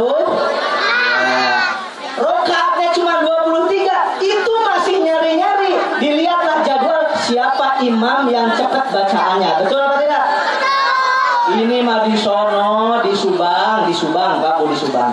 Insya Allah di sini mah enggak ya, enggak, enggak ngaku. Allahu Akbar. Bapak Ibu yang dirahmati Allah Subhanahu wa taala. Kemudian apa itu namanya? Oh iya, tadi saya berangkat dari sana, jujur Pak. Berangkat dari Jakarta itu Ustaz Alfi itu, Ustaz saya takut kalau nyebrangin sungai. Sungai, sungai apa namanya? Banyu. Hah? Sungai Banyu apa? sungai Mentaya. Ustaz nyebrangin sungai Mentaya, saya takut Ustaz. Kata Ustaz Alfi, tenang. Kalau kau mati, kau akan mati syahid. Uh, di situ saya termotivasi lagi. Walaupun dalam hati waktu naik perahu, tetap aja takut. Nah itulah ketika orang menuntut ilmu, naudzubillah ketika di tengah jalan dia meninggal dunia, maka dia itu adalah termasuk orang yang mati syah mati syahid. Bapak, Ibu, adik-adik, orang mati syahid itu kelak yaumil akhir nanti masuk surga secara otomatis tanpa hisab. Sub langsung masuk tanpa dihisab sama sekali. Kecuali yang punya hu yang punya hu loh, makanya sekarang yang punya hutang cepat bayar. Makanya cepat kan? Coba lihat ketika ada orang meninggal dunia pasti ada yang ngomong kalau almarhum atau almarhumah punya sangkut paut atau punya hutang, silahkan tagih ke keluarganya supaya dibayar. Karena apa Bapak Ibu? Hutang itu tetap nanti akan dibawa ke yaumil akhir. Nah, min Makanya yuk sekarang yang punya hutang ke Bank BCA, ke Bank BRI, ke Bank BNI, ke Bank Emok, ke Bank Bank Pamungkas, ayo segera bayar. Bayar cepat. Sebelum nanti di yaumil akhir, ketika ibu mau masuk surga, ternyata ditarik kembali. Kau punya hutang 100 ribu. Masya Allah, hutang kita cuma 100 ribu, tapi diganti dengan pahala kita. Na'udzubillah ini. Nah, itu. Bapak Ibu yang dirahmati Allah Subhanahu wa taala, alhamdulillah tadi di awal acara kita membaca Maulid. Membaca Maulid itu adalah menandakan bahwa kita ini senang dengan kelahirannya Rasulullah Shallallahu alaihi Orang yang senang dengan kelahiran Rasul Shallallahu Alaihi Wasallam, insya Allah hidupnya bahagia dunia dan akhirat. Amin. Orang kafir saja bu, orang kafir karena dia ini senang dengan kelahiran Rasul, dia itu jelas masuk neraka, tapi di neraka setiap hari Senin itu diringankan siksaannya. Siapakah ya? Abu Lah, Abu Lahab. Abu Lahab itu sudah jelas masuk neraka. Lihat di dalam Al-Quran. Tabbat siada abi. Tabbat siada abi. Wahabi wadat. Di sana disebutkan. Ini kisah ini pun diceritakan dalam kitab Sahih Bukhari. Tentang kisah ini. Yaitu Abu Lahab. Dia itu jelas masuk neraka Bapak Ibu. Jelas dia itu masuk neraka, tapi diringankan kenapa? Karena ketika Rasulullah Shallallahu Alaihi Wasallam lahir, ketika itu Siti Aminah hendak melahirkan. Dan kemudian Abu Lahab memerintahkan siapa itu namanya budaknya yang bernama Tuwaibah. Wahai Tuwaibah, silakan kau kontrol itu siapa namanya Siti Aminah. Apa dia hendak melahirkan? Nah, kemudian di gak lama kemudian Bapak Ibu Rasulullah Shallallahu Alaihi Wasallam lahir. Alhamdulillah. Kemudian Suwaibah pun segera mengabari Abu Lahab. Ya Sayyidi, ya Sayyidi, keponakanmu sudah lahir. Laki-laki atau perempuan? Laki-laki. Uh, sangat bergembira Abu Lahab Bapak Ibu. Karena saking bergembiranya, wahai Suwaibah, karena hari ini saya sangat-sangat berbahagia maka engkau menjadi saksi mulai hari ini. Aku merdekakan engkau. Tidak menjadi budak kembali. Subhan memerdekakan budak itu Bapak Ibu tidak murah. Kalau zaman sekarang bisa jadi 100 jutaan. Tuh. Abu Lahab karena saking gembiranya dengan kelahiran Rasul dia merelakan uang 100 juta. Nah, makanya kalau sekarang untuk acara ini nyumbangnya cuma 1 juta, masih kalah dengan Abu masih kalah. Nah itu saking gembiranya Abu Lahab. Makanya di neraka setiap hari Senin dia diringankan siksaannya. Makanya ada disebutkan dalam syair Idza kana hadza kafirun jaa damuhu bitabbat yadahu fil jahimi mukhlida ata annahu fi yaumil itsnaini daima yukhaffafu anhu lisururi bi ahmada fama dhanna bil abdil ladzi tula umrihi bi ahmada masruran wa mata mauhida dalam syair itu disebutkan jika seorang kafir saja disebutkan dalam Al-Qur'an tabbat yada abilah habi watab dia itu bisa diringankan siksaannya karena bahagianya dengan kelahiran Rasul. Famadonna bil abdil ladzi tula umrihi bi ahmada masruran wa mata mauhida bagaimana dengan seorang hamba yang senantiasa setiap harinya bergembira dengan kelahiran Rasulullah sallallahu alaihi wasallam Yuk, makanya ketika ada maulid-maulid, ayo hadir, hadir datangi maulid-maulid. Bapak Ibu yang dirahmati Allah Subhanahu wa taala, kemudian saya diminta oleh Al Ustadz Handayanur ini adalah untuk menyampaikan apa namanya bekal-bekal untuk bulan suci Ramadan. Sebentar lagi kita akan menghadapi bulan hmm, bulan Ramadan. Apa yang harus kita? Jelas puasa. Apa yang harus kita lakukan sebelum datangnya Ramadan? Nah, para istri, yuk minta maaf kepada suami. Udah minta maaf belum? Yuk minta maaf kepada suami, ibu. Pengen ke Mekah? Pengen haji? Pengen nyium hajar aswad? Gak usah jauh-jauh, cium jidat suami. Mencium jidat suami itu bagaikan mencium hajar aswad. Nah, makanya ibu-ibu pulang dari sini cari suaminya. Cari suaminya bilang, "Papa, sini Pak, aku mau nyium jidatnya." Tapi ibu jangan bilang seperti mencium hajar jangan. Nanti marah-marah bapaknya. Oh, ibunya datang. Papa sini, saya pengen nyium bapak. Kenapa? Karena kata Ustaz, kalau nyium kening bapak itu bagaikan mencium hajar aswad. Kata suaminya, oh emang gua mah hitam kayak hajar aswad. Puas, lo puas. Allahu Akbar. Yuk bermaaf-maafan. Hablum minanas. Ya, hablum minanasnya kita perbaiki. Sebelum menghadapi bulan Ramadan, minta maaf kita ibadahnya kok fokus. Nah, itu. Kemudian Bapak Ibu yang dirahmati Allah Subhanahu wa taala, kemudian apa yang harus kita lakukan? Sebelum Ramadan tiba, maka kita harus berbahagia dengan datangnya Roma. Bahagia atau tidak? Bahagia atau tidak? Allah sekarang aja ngomongnya bahagia. Ramadan aku rindu. Ramadan aku rindu. Begitu masuk bulan Ramadan satu hari, kapan lebarannya? Katanya rindu Allah Akbar. Ini para ulama dulu Bapak Ibu, para ulama dulu saking gembiranya enam bulan sebelum Ramadan tiba mereka sudah senantiasa berdoa. Berdoanya apa? Yuk ikutin. Allahumma barik lana. Allahumma barik lana. Fima rojaktana.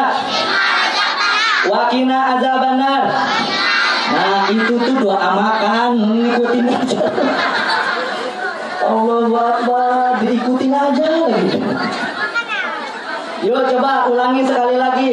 Allahumma barik lana fi rajaba wa sya'bana wa ballighna Ramadan.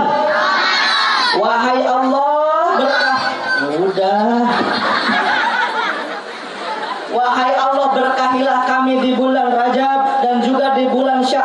wa balighna Ramadan dan sampaikanlah kami kepada bulan suci Ramadan. Nah, Saking gembira, saking gembiranya Bapak Ibu, ulama-ulama terdahulu mereka menulis di pintu-pintu mereka, mereka menulis di tembok-tembok mereka, marhaban ya Ramadan. Selamat datang wahai bulan suci Ramadan. Karena memang Ramadan itu artinya adalah pembakaran. Jadi mohon maaf, jangan sampai salah sebut. Karena di antara kita ada yang bilang Ramadan. Ramadan dan Ramadan itu beda jauh artinya. Kalau kata Kiai saya, Ramadan dan Ramadan itu beda. Kalau Ramadan itu artinya adalah pembakaran, kalau Ramadan itu artinya adalah orang yang matanya belekan. Berarti kalau kita sebut marhaban ya Ramadan, selamat datang wahai orang yang matanya belekan. Nah, ini. Maka jangan sampai anak-anak kita ini belajar Al-Quran, belajar itu bahasa Latinnya. Sekarang kan canggih, gak perlu ngaji, belajar aja Latinnya, baca aja Latinnya gampang kan? Eh, nggak semudah itu.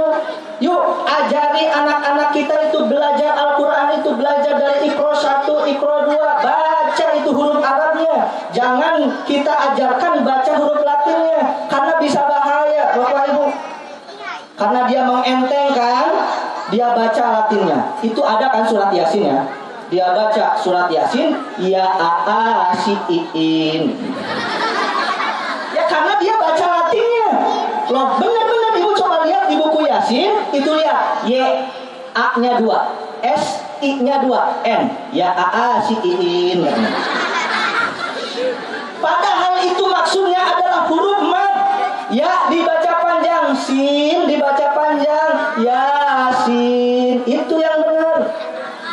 Kadang ada orang juga yang ngomong alladzina karena dia baca latinnya jadi alat zina. Iya, karena dia baca latinnya. Yuk makanya ajarkan anak-anak kita ini belajar dari huruf Arab. Huruf Arab. Nah, nah. Kemudian puasa itu adalah wajib buat kita. Ya ayyuhalladzina amanu kutiba alaikumus siyam.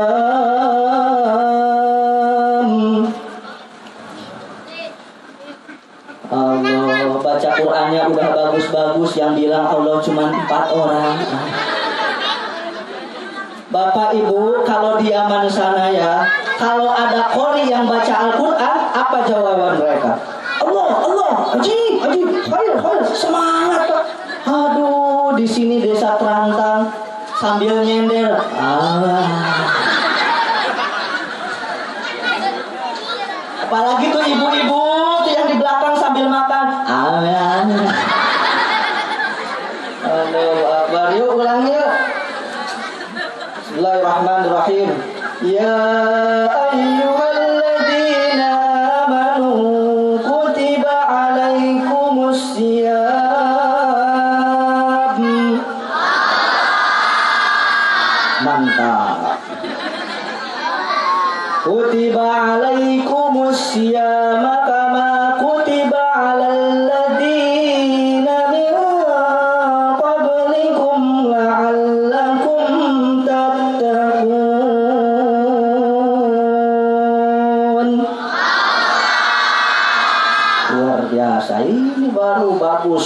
terantang.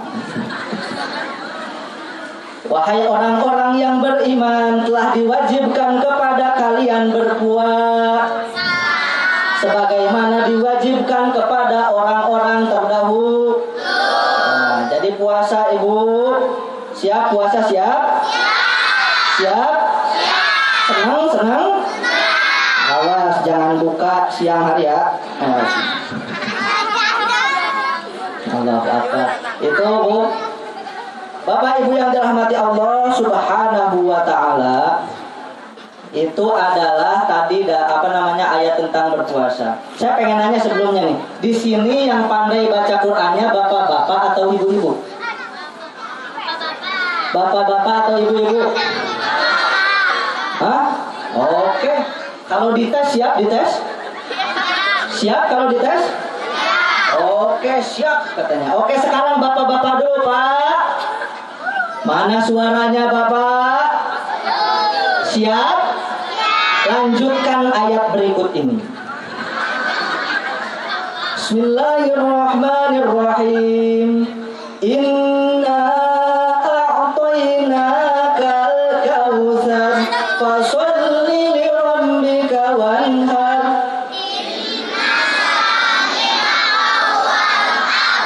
Luar biasa bapak-bapak 100. Sekarang ibu-ibunya siap bu siap? Ibu siap? Oke lanjutkan ayat berikut ini. Bismillahirrahmanirrahim.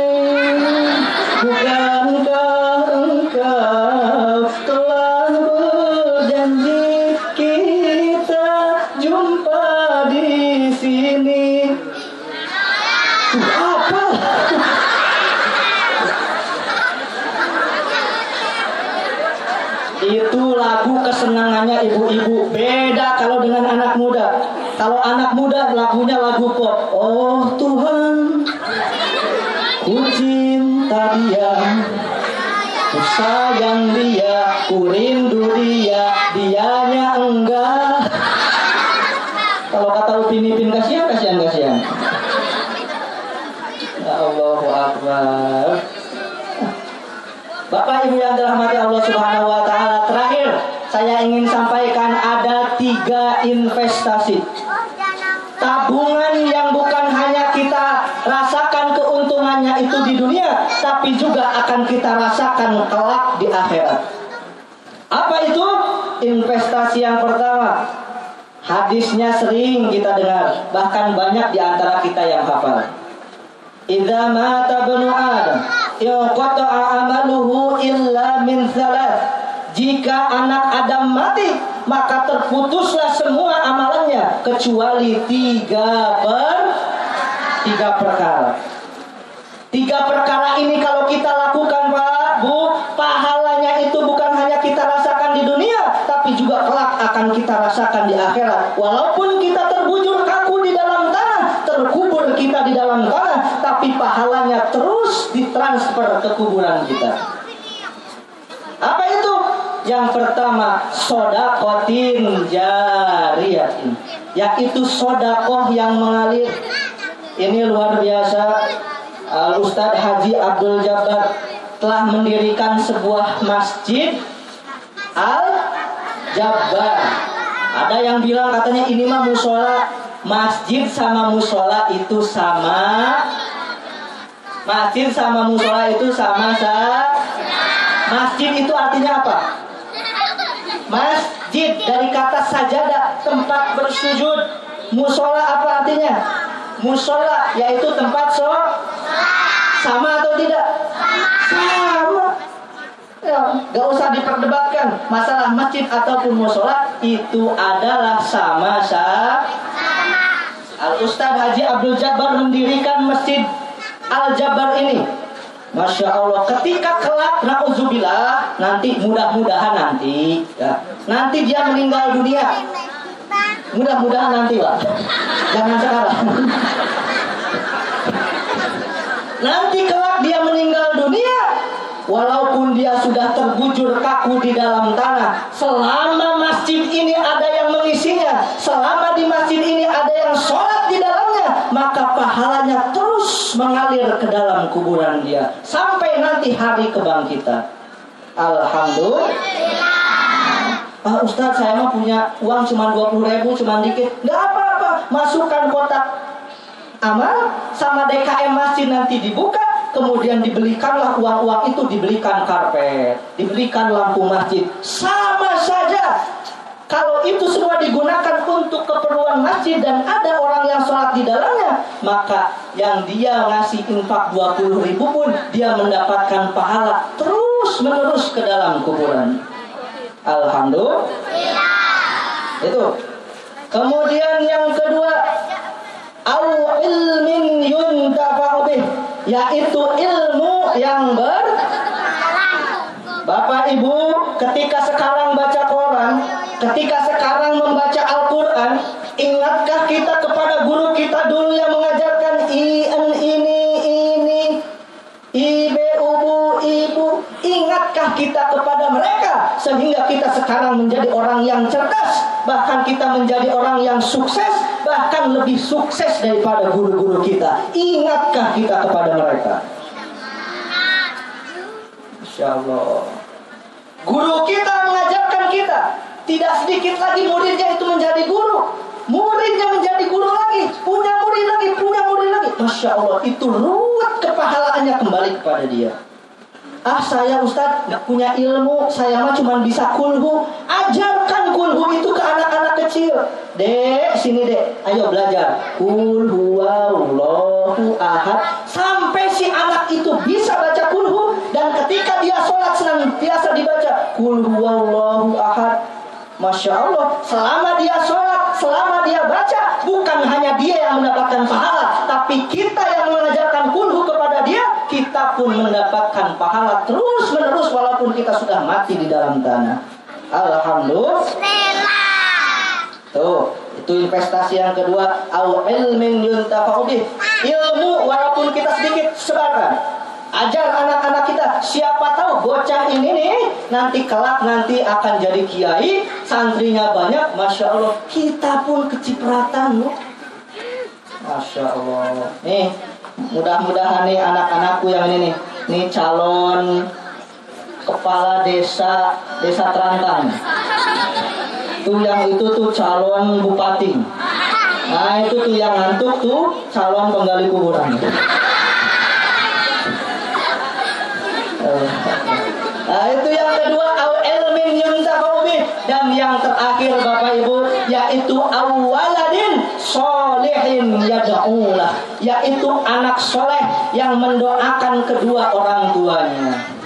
Mendidik anak itu tidak mudah, tidak semudah membalikan telapak tangan, perlu proses yang panjang.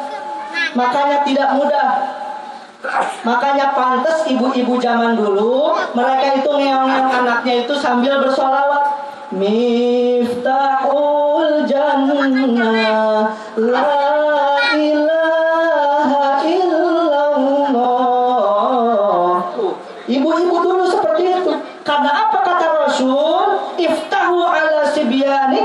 awwala kalimatin la ilaha ajari anak-anak kalian pertama kali kalimat tauhid la ilaha illallah. Orang-orang dulu ibu-ibu dulu ketika bersolat seperti itu.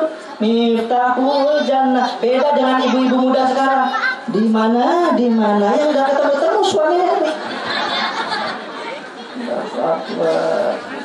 Yuk didik anak-anak kita ini agar menjadi apa namanya mendoakan kita kelak. Karena hanya itu Pak Bu yang dibutuhkan oleh kita. Zaman sekarang kan, nah jangan mau kawin sama santri. Mau jadi apa kamu? Mau dikasih makan gulu?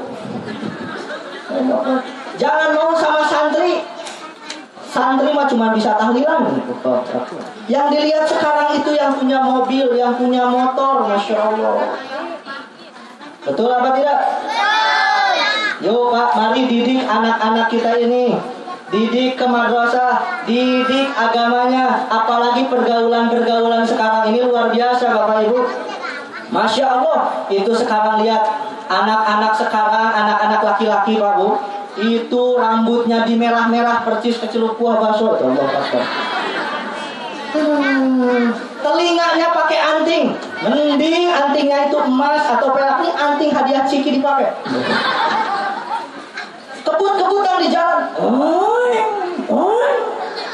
Knalpotnya diracing. Itu mohon maaf Bapak Ibu, sampai-sampai itu ada nenek-nenek yang curhat ke saya. Ustaz, nenek lagi sholat, terus keceletot. Keceletot apa, Nek? Iya kan nenek lagi sholat Allah Akbar kabiro alhamdulillah. Tiba-tiba motor lewat. Oh, inna sholati wa sujuki wa yamaha. Astagfirullahaladzim. Ketika ditanya, ibu dulu kerjanya apa? Emang saya dulu tukang motor. Allahu Akbar. Yuk jaga anak-anak kita. Belum lagi perempuannya Bapak Ibu. Masya Allah perempuannya ya Allah na'udzubillah. Pakai baju you can see my ketex. Uh. Eh, ngeri. Dibonceng itu ya Allah dibonceng Pak. Itu Masya Allah. Itu saya dulu Pak sebelum punya mobil saya pakai angkot. Saya naik angkot. Ketika naik angkot tiba-tiba berhenti tuh angkot. Masuklah seorang perempuan pakai rok mini. Dia duduk wak sambil terbuka Masya Allah. Di hadapan saya. Allah dalam hati saya. Kalau nggak dilihat. Kalau dilihat dosa, kalau nggak dilihat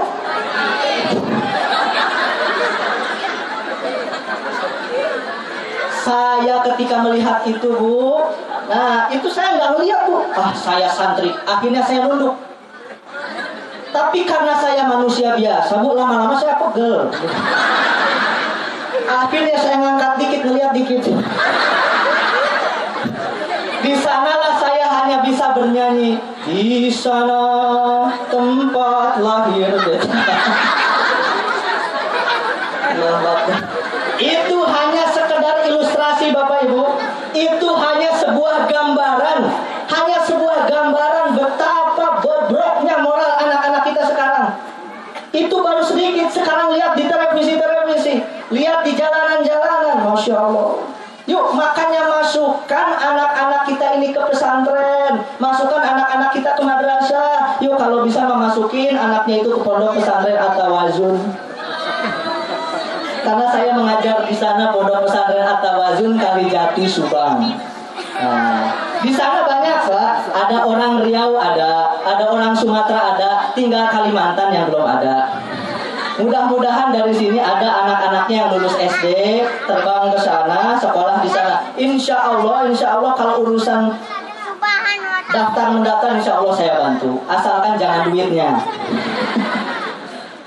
Itu bu namanya Pondok Pesantren At-Tawazun Kalijati Subang. Nah saya mengajar di sana. Nah jadi seperti itu bu. Ini promosi ya, ya nggak apa-apa. Promosi dalam kebaikan, betul apa tidak? Nah, makanya yuk didik anak-anak kita supaya kelak mereka itu mendoakan kita karena ketika kita sudah mati, apa yang kita perlukan bu? Yang kita perlukan doa dari anak-anak kita, Allahumma gfirli waliwa warhamhuma pinter-pinter ini. Masya Allah. Ya, mudah-mudahan nanti mondok di pesantren Tawasun ya. Oh, baru promosi lagi katanya. Nah, eh, Bapak Ibu yang dirahmati Allah Subhanahu wa taala, sudah terlalu lama saya berbicara, masih ada yang nanti harus berbicara yaitu Al Mukarram Ustadz kita guru kita yaitu Ustadz Alfi Al Fandi itu saja mungkin yang bisa saya sampaikan. Kurang lebihnya mohon maaf. Bila ada kata yang salah mohon dimaafkan. Kalau masih ada yang kangen dengan dakwah saya Bapak Ibu bisa ditonton besok di Antv. Ya besok di Antv. Kapan waktunya? Tepatnya pas mati lampu Beda, saya mah beda kalau beliau mah artis beneran muncul di TV kalau saya mah di alam gaib.